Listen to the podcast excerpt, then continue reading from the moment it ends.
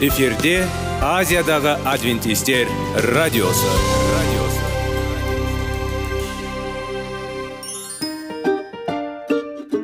Сәлем достар. Денсаулық өмір бұлағы және біздің бірінші байлығымыз демекші денсаулық сағаты рубрикасына қош келдіңіздер. Біздің рубрикада біз әртүрлі факторларменен мәліметтерменен кеңестерменен бөлісіп шын жүректен сіздердің дендеріңіз сау болғанын қалаймыз. Сол үшін біздің рубрикаға қош келдіңіздер. Дайындалып тұрыңыздар. Өйткені келесі минуттарда қызықты фактілерге ие боласыздар. Енді достар ең бірінші байлығымызды қолымызға алып алға кеттік.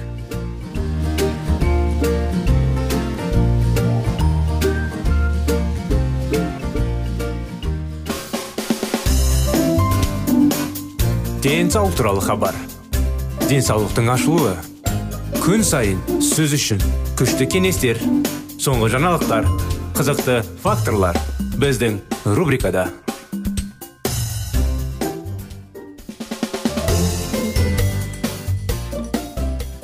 сәлем достар армысыздар құрметті радио тыңдаушыларымыз сіздермен бірге денсаулық сағат бағдарламасы. Қош келдіңіздер біздің бағдарламамызға сіздердің назарларыңызға.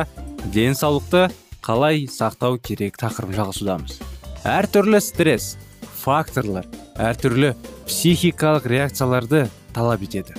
Сондықтан бізге оларды шешуге көмектесетін арнайы әдістер қажет болуы мүмкін. Үнемі күйзеліске ұшыраған адамдарға әдебиеттілерді оқып күйзелісті жеңу бойынша семинарларға барып өздерін тиісті түрде ұстап өз мәселелерін шеше білу керек. Қалай болса да біз барлығымыз өз өмірімізде стресс симптомдарын танып релаксация дегенде әдістерін практикаға тиіспіз. Осылайша біз стрессті зиянды салдарын азайтуға болады. Сондықтан ақ жақын достарымызбен тәжірибе бөлісу жақсы. Кейде біз не істеу керектігін білмейміз. Біздің мәселелерімізді біреумен талқылай отырып біз оймен жиналуға қабілетті боламыз және біз үшін жағдай бірте бірте түсіндіріледі. Рухани аспектіні ұмытпаңыз. Сау сенім бізге дұшпандық жағдайларда тұруға көмектеседі. Дұға кез келген қиындықтарда бізге жан тыныштығын қайтаруға қабілетті. Біздің сенімімізді бөлісетін достарымызбен қарым қатынас қиын уақытта күшті қолда бола алады. Ал біз өз көзінде басқа адамдарды сендіре аламыз. Өз психикалық денсаулығына қалай нығайтуға болады? Психикалық денсаулық психикалық денсаулық физикалық денеден кем емес. Және едәуір дәрежеде соңғына байланысты мидың толқынды жұмыс істеу үшін тағамнан түсетін көптеген қоректік заттар қажет. Бірақ ең жақсы тамақтану біздің психикалық денсаулығымызға әсер ететін қиындықтардың біздің алаңдатпайды. Ұлыбритания жүргізілген зерттеулер 85 жастан асқан адамдардың 25 пайызы ақыл есінің кемдігі дамығанын ал 65 жастан асқан адамдардың оннан 16 пайызы клиникалық күйзеліске ұшырайтынын көрсетті. Біз қай жерде тұрсақ та біз әрқашан психикалық аурулармен кезігетін боламыз. Ақыл ой бұзылысы мен психикалық ауру арасында елеулі айырмашылық бар екенін атап өтпеуге болмайды. Ақыл ойдың бұзылуы туа біткен аурулардың әдетте босану кезінде пайда болатын. Немесе миға немесе интеллектте белгілі бір зиян келтіретін генетикалық қиындықтардың салдарынан пайда болған ақау психикалық ауру біздің сеніміздеріміз немесе жаңағындай көңіл қалыптарымыз эмоциялар дейді ғой аудару мүмкін. Мұндай ауруларды басқа жағынан денені сау адамдардан табуға болады.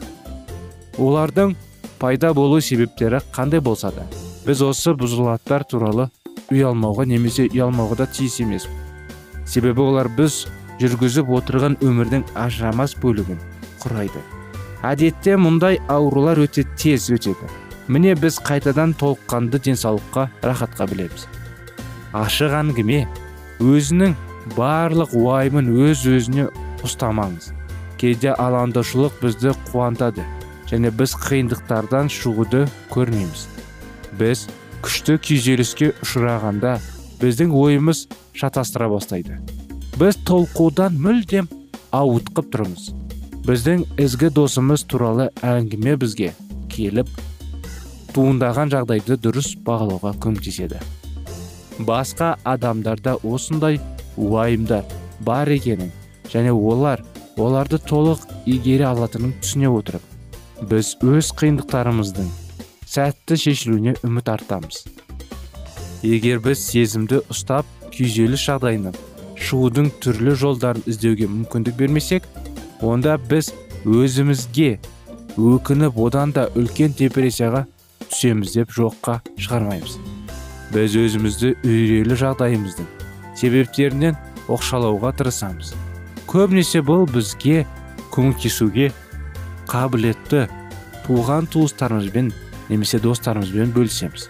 Біз өз келбеттің қадағалауды тоқтатамыз.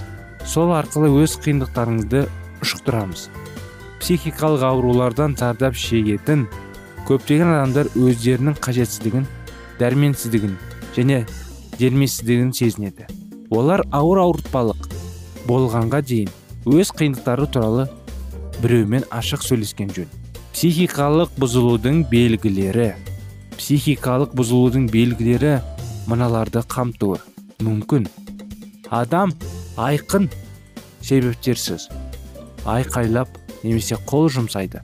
Ашуланған кезде ашуланған және ашуланады. Осы адамға тән емес дергілік. Араласудан немесе тамақ ішуден бас тарту. Өзінің сыртқы қабілетін немқұрайлы көзқарас. Серуендеу үйден қашу дегендей. Түсініксіз сөз оғаш сөздер. Кесілген көзқарас адам оның қайда екенін түсінбейді немесе ол не істейді. Адам оның жанындағы адамдардың көре алмайтынын немесе ести алмайтынын көреді және естиді. Барлық айналасындағылармен күресуге тілек. Алкогольді айдалану немесе басқа есірткі арқылы ұмытуға ұмтыла дедік көп. Психикалық бұзылуынан зардап шегетін адамдарға көмек. Аталған сипатты симптомдардың көпшілігін уақытында тану кезінде. Жақсы тамақтану демалу және жанмен сөйлесу арқылы барынша азайтуға болады. Кейбір адамдарға кәсіби көмекпен дәрі дәрмекпен емдеу қажет. Егер бұл қажет болса онда қауіпсіздік немесе қарқынды емдеу мақсатында науқастарды қысқа немесе ұзақ мерзімді күтім жасау үшін емдеу орнына орналастырды. Қоғамға қайта оралғаннан кейін ауруханада емдеу құрылысын өткен адамдарды туған туыстары мен достары қарапайым қамқорлық жасауды қажет етеді. Мінекей осы анықтамалар бүгінгі күнде сіздер назарларыңызға. Сіздермен бірге келесі жолға дейін сау болыңыздар деп келесі жолда сіздерді қуана күтеміз.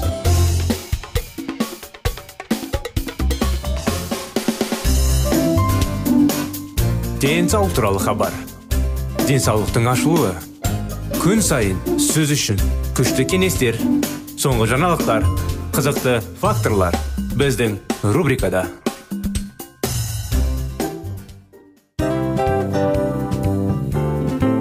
Әуелі байлық денсаулық екінші байлық он саулық үшінші байлық ақ жаулық ал енді осындай радио парақшадан кейін не дейміз?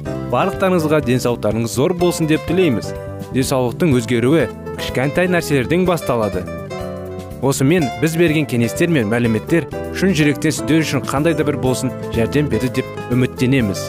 Тыңдаушыларымызбен келесі радио парақшасына дейін қоштассамыз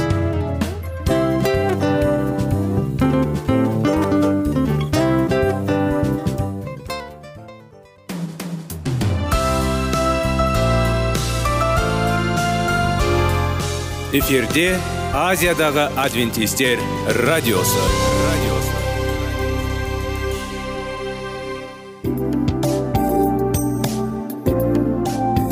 Сәлем достар. Барлықтарыңызға шын жүректен сөйлесек рубрикасына қош келдіңіздер деп айтпақшымыз. Шын жүректен сөйлесек бағдарламасы әртүрлі қызықты тақырыптарға арналған. Шындығында шын жүректен сөйлесек деген сөздің мағынасы екі достың екі адамның ортасындағы шын жүрекпен сөйлесуі бір біріне сенуі ашықтық пен шындықты білдіреді. Сол үшін біздің бағдарламалар әртүрлі қызықты тақырыптарға арналған. Дайындалыңыз жаңа қызықты мәліметтерге ие болуға. Ондай болса кеттік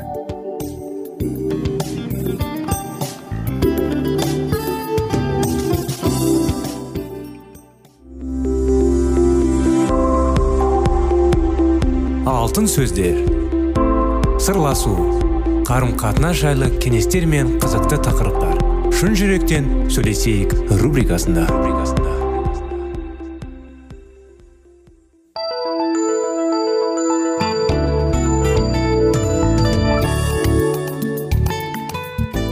Сәлем достар. Армысыздар ассалаумағалейкум құрметті радио тыңдаушыларымыз. Сіздермен бірге шын жүректен сөйлесейік бағдарламасы. Сіздермен бірге біраз болды балан жүрегіне бес қадам тақырыптарды бастап жалғастырудамыз. Содан кейінгі қуаныш оқиғаларын бастаған едік тәжірибелер. Өткен жыл естеріңізде болса берік жайлы оқиғаны бастаған едік. Берік анасы екеуі қалған еді әкесі тастап кеткен еді. Анасы жиі ішіп балаға тастаймын тастаймын деп ішуін уәде беретін. Сол күндері бір күні үйіне апаймен мұғалім апайымен бір екі кісі келген екен. Бірақ апайы өзімен бірге алып кетті баланы. Сосын аға жалғастыра кетсек берік саған қазіргі кезде өте қиын тиіп жүргенін түсінемін. Сенің мамаң ауыр науқас. Оны жедел түрде маскүнемдіктен емдеп көмектесу керек. Берік сен кәдімгідей ересек баласың ғой. Түсінуің тиіссің. Мен сенің мамаңның жақсы адам қайырымды жан екенін жақсы білемін. Сен де оны жақсы көресің. Солай емес пе? Бағанағы кісілер осының бәрін қайдан білген? Мен оларды бұрын содан көрген емеспін. Ол кісілер сенің мамаң жұмысының келді. Бұл үшін сен алаң болма. Сен мамаңды тосасың ба? Әрине мен үйде жалғыз өзім ақ бола аламын мен үйде жинай аламын тамақ тапсыра аламын. Сенің атаң әжең және басқа да туыстарың бар ма? Бар бірақ олар өте алыста. Солтүстікте тұрады. Менің мамам да сол жақтан папам аскер қатарындағы қызметтен өткен соң мамамды осында алып келген. Олар алғаш кезгенде менің папам солдат болған екен бәрін түсінікті. Айша апай сәл ойланып қалды біраздан соң тағы да сөйлеп кетті. Берік сені үйіне жалғыз өзіңді жіберуге болмайды. Біздің сені жалғыз жіберуге құқымыз жоқ түсінесің бе? Мен күйеуіммен сөйлесіп көрейін. Меніңше ол сенің біздің үйде қалғаныңа қарсы болмайтын сияқты. Сен өзің қарсы емессің бе? Сөйтіп берік айша апайдың үйінде қалды. Бұл үйде оның жағдайы жақсы болды. Ұстазының күйеуі берікке жақсы қарады. Кішкентай екі қыз оның мектептегі келгенін асыға күтіп жүрді.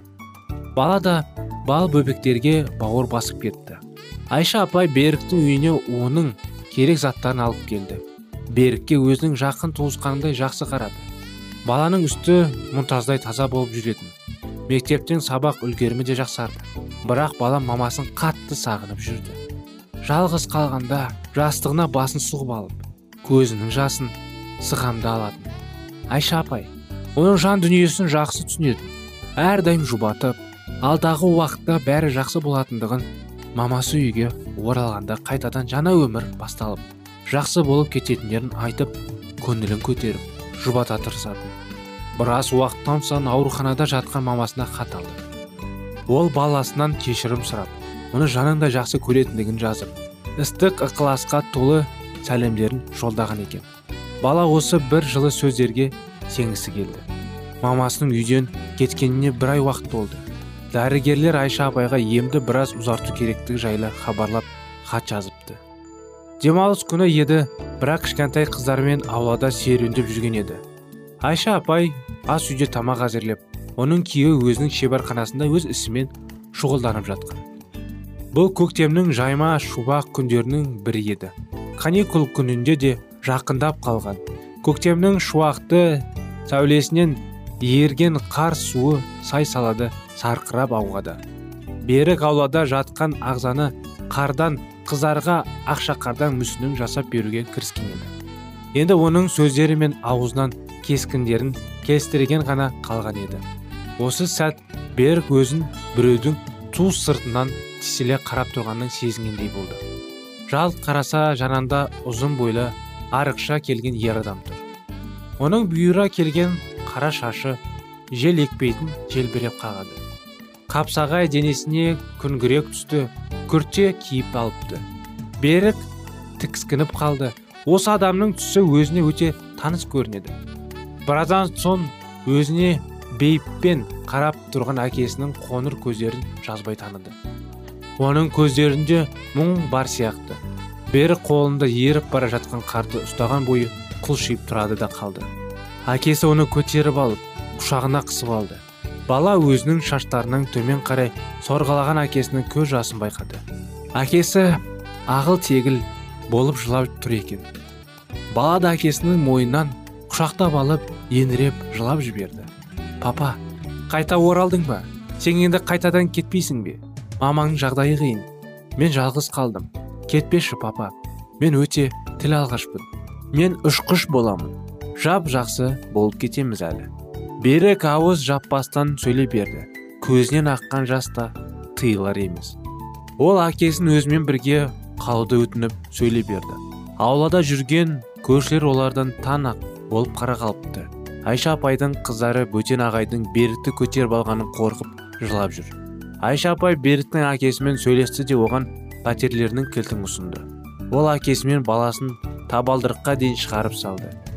Жол бойы олар тіс шарып сөйлеспестен үнсіз келе жатты.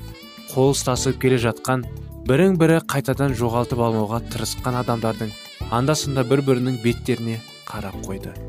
Пәтерінің іші астан кестен болып шашылып жатқан еді. Әкесі мен баласы үйді жинастырды. Кешкі асқа жорық сорпасын пісіріп ішті. Берік мұндай дәмді сорпаны бұрын сондай ішіп көрген емес еді.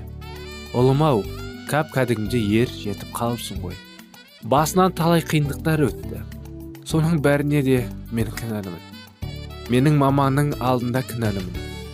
Мен осы үйдің кетпегенде бәрі бұрынғыдай жақсы болатын еді. Мені кешірсең бе жоқ па? Қалай болғанда да айтқандарының бәрі зер салып таңданып ал қиындық туып жүрген жанұялар көп. Бақытты жоғалтпаған балалар көп. Ата аналары ажырасқан жанұя көп.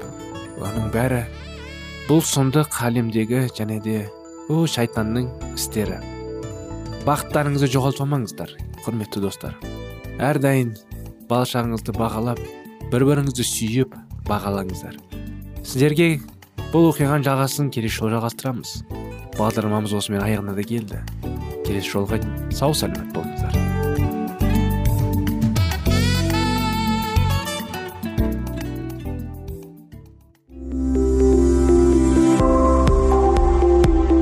Алтын сөздер. Сырласу. Қарым қатынас жайлы кеңестер мен қызықты тақырыптар. Шын жүректен сөйлесейік рубрикасында.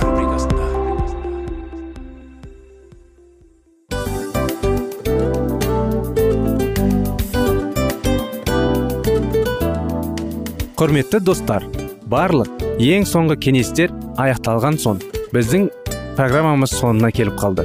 Осы біздің мәліметтер осы рубрикада айтылған әрбір сөздер сіздерге өзінің қандай да бір пайдасын алып келді деп шын жүректен сенеміз. Және бұдан да көптеген рубрикаларымыз бар. Басқа рубрикаларымызда біздің зерттеулерімізде сіздер үшін тағы да қызықты мәліметтер дайын. Біздің шын жүректен сөйлесейік парақшамызда көптеген әдістер ең соңғы кеңестер адамның нравственность жақтан моральдық жақтан тазалап байыта тұрған соңғы кеңестердің барлығын жанарады. сондықтан алдыңғы күндерде бізбен бірге болыңыздар. Өйткені барлық қызықтар алдыда. Бізбенен бірге болғандарыңызға үлкен рахмет. Келесі кездескенімізше сау сәлемет болыңыздар.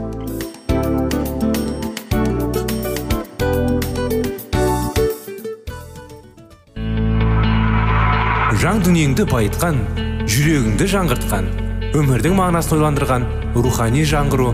Рубрикасы.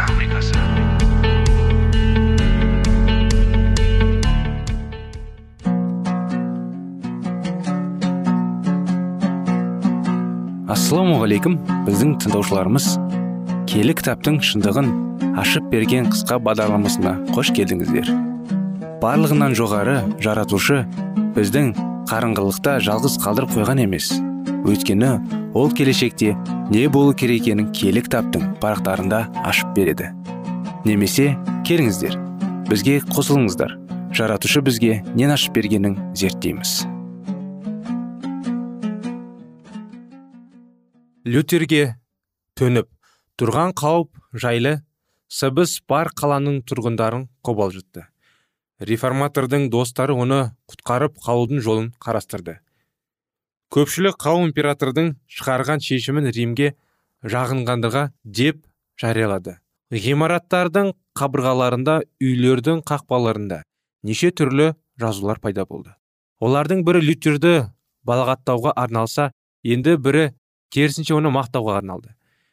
Кей жерлерде қарапайым да көп мағыналы да дана патша сүлейменнің уа елім. Патшаң боз баладай тәжірибесіз болса қасіретке қалғаны деген жазулар да болды. Лютердің жанашырларының бүкіл германияның баурап алған бұл қобалжуды сейімнің де императордың да бақылаусыз әрекетіне сақ болуын мескеп тұрды саксондық фридерх реформаторды іштей шақтайтынын ешкімге білдіріп етпей оны сырттай қорғап жүрді. Және лютерді де оның жауларында да соңынан аса бір сақтықпен бақылап отырды. Лютерге дұрыс көзқараспен қарайтыларын жасырмайтындар да көптен табылып жатты. Оған графтар барондар ханзадалар сонымен қоса шіркеуден де адамдар жиі келіп тұрды. Кейде жиналғандардың сондарынан көп болатындығы соншалықты. Олардың реформатордың аядай бөлмесіне симай қалатын кездері де болатын деп жазды спалатин. Халық оған адамның жоғары жан иесі секілді қарады. Оның ілімін қабылдамайтындардың өздері лютерге деген керемет бір қарым қатынастарын жасыра алмады. Лютерді риммен келісімге келтірмеге мәжбүрлеген адамдар көп болды. Вельможалар қасырысқаннан шығатын ештене жоқ. Өз басына пәле тілегеннен басқа түк таппайсын деп лютерді римнен келісімге келу қажеттігіне иландыруға тырысты. Ізгі хабар шайқасы жариялана алмайды. Неге қорқақтық ақиқат болып табылай құдай сөзінің мені ажырату керек? Ешқашан олай болмайды. Мен ақиқат үшін өлуге де дайынмын деп жауап берді оларға лютер. Реформатордан тағы да императорға бағыну талап етілді. Менің кітаптарымды императордан бастан қарапайым мәстікшілерге дейін оқып шығып сарапқа салуына қарсы емеспін. Бірақ олар бұл еңбектерді келі кітаппен салыстырып отырып оқулар керек. Себебі құдай сөзіне бағынба мүмкін емес. Мен өзім құдай сөзіне түп түгел бағынамын. Сіздерге айғарым менің арымды дегендеріңізге лайықты етем деу пайдасыз әрекет. Тағы да бір кездесу кезінде мен қорғау қағазынан да бас тартамын. Өз өмірімді императордың қолына тапсырамын. Бірақ құдай сөзінен ешқашан бас тартпаймын деді лютер. Онан соң реформатор сейімнің шешіміне ол киелі жазумен қарама қайшы келмесе ғана бағынатынын айтты. Ал киелі кітапқа келетін болсақ оны оқуға және ол туралы өз көз қарасын айтуға папа және оның сансыз соборлары секілді кез келген мәсіхтің құқығы бар деп ол өз сөзін тамамдады. Осыдан кейін лютердің жаулары да достары да оны риммен татуластыру мүмкін емес екендігін жақсы ұқты. Егер де лютер өз еңбектерінің ең болмағанда бір тармағын бойынша папалықтармен келіскенде сайтан өз жеңісін тойлаған болар еді. Бірақ лютер осы жерде табандылық танытты және оның табандылығы жаңа дәуірге жол ашты. Бұл адамның дін саласында ойланып белгілі бір әрекеттер жасап енгізген жаңалықтар шіркеуге де барлық әлемге де ықпалын тигізбей қойған жоқ. Сонымен қоса бұл әсер белгілі уақыт аралығымен шектеліп қалмады. Келер ұрпақтарға кеңінен тарады. Оның табандылығы құдайға деген мүмкінсіз сенімі дәл осындай жағдайларға тап болған адамдарға көмектеседі. Күш жігер берді. Құдайдың күші мен оның қабылдайтын шешімі адамның шешіміне және албасының күшінен әлбетте жоғары. Лютер императордың қауласы бойынша еліне қайтарылды. Бірақ ол өзіне шығарылған үкімнің оның соңына бірге ерігіп жүретін жақсы білді. Төбесінен төніп құрған қасірет болатына қарамастан реформатор вормстен қуанышқа толы жүрекпен аттанды. Папаның қамалын сайтан қорғап тұрған болатын. Бірақ иса қамалған қабырғаны тесіп кірді. Осылайша сайтан оның билігін мойындауға мәжбүр болды. Лютер кетер алдында оның табандылығы қасарлықынды деп ұқпау үшін императорға хат жазып кетті. Адам баласының жүрегін көріп тұратын жаратқан жалғыз иеміз. Менің куәгерім. Мен өздің сөздің өзіңізге билігіңізге ешқандай қарсылығым жоқ. Бағынамын. Бірақ адам өмірдің жалғыз ғана елеуші болып саналатын құдай сөзіне қарсы тұра алмаймын. Мәңгілік жайлы сөз болған кезде бір адамның екіншісіне бағынғанын құдай қаламайды. Өйткені алланың алдында барғанда әркім өзі үшін ғана жауап береді. Мұндай бағынушылық сол адамның алдында бас июмен бірдей. Ал адам тек құдайдың алдында ғана бас ию керек. Вормстен қайтар жолда жұртшылық қатерді жылы қарсы алды. Императордың сотына түскен адамды үкімет басшылары да дін иелері де қуанышпен қабылдады. Және одан құдай сөзін уағыздауды өтінді. Лютер императордың тыйым салғанына қарамастан мінбеге көтерілді. Папалықтар лютер вормстен аттанып кетісімен императордың оған қарсы үкім шығаруын талап етті. Бұл декретте лютер монах киімін киген адам бейнесіндегі шайтан деп жарияланды. Қорғау қағызының мерзімі өтісімен оған қатаң шаралар қолданылу қажеттілігі бекітілді. Шығарылған үкімде кім кімге болса да жүреген жерінде лютерге қонажайлық жасауға ас сумен бөлісуге қол көмегін көз сөз көмегін жасауға тыйым салады. Кез келген жерде оны ұстап қамауға алуға болады деген бұйрық береді ал оған көмек көрсеткендер мүліктерінен айырылатын болды. Лютердің жазған еңбектері жойылуы керек деп жариялады ал оны оқитындар ауыр жазаға таратылады делінді. Лютер кеткен соң көп ұзамай онымен жылы қарым қатынасына болған ханзадар мен саксондық курфюрсте вормстен атанды. Олар кетісімен сейм императордың қалаусын дереу бекітті. Бұл жолы папаның көсемдері реформацияның тағдыры бір жола шешілетіні болды деп есептеді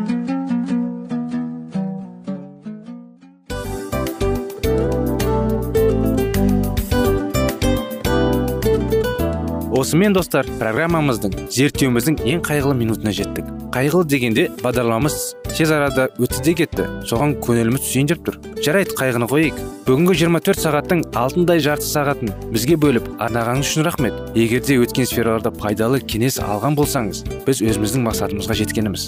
Тыңдаушыларымызбен қоштасу уақыты келді. Келесі кездесулерді сағынышпен күтеміз. Жарты сағатты кездесуіміз көз ашып шапқанша дем арасында өтіп кетті. Бірақ бізде жақсы хабар бар. Келесі зерттеулерімізде сөзсіз кездесеміз. Өйткені көптеген сюрприздер қызықты мәліметтерді және керекті нәрселерді көбін дайындадық. Бүгінгі күндеріңіз өзгеше позитивті болсын. Жақындарыңыз аман есен болсын деп тілейміз. Жаратқан ие барлықтарыңызға батасын берсін. Істеген істеріңіз игілікті болсын. Келесі кездескенше сау саламат болыңыздар. Достар біздің бағдарлама бойынша сұрақтарыңыз болса әрине сіздерге керекті анықтама керек болса біздің whatsapp нөмірімізге хабарлассаңыздар болады. Плюс бір үш жүз бір жеті жүз алпыс алпыс жетпіс. Иә достар сіздер қателеспедіңіздер бұл біздің номерлерге ұқсас болмаса да бұл whatsapp номер арнайы. Хабарласыңыздар сұрақтарыңызды қойып тұрыңыздар. Анықтаманы алып тұрыңыздар. Плюс бір үш жүз бір жеті жүз алпыс алпыс жетпіс whatsapp номері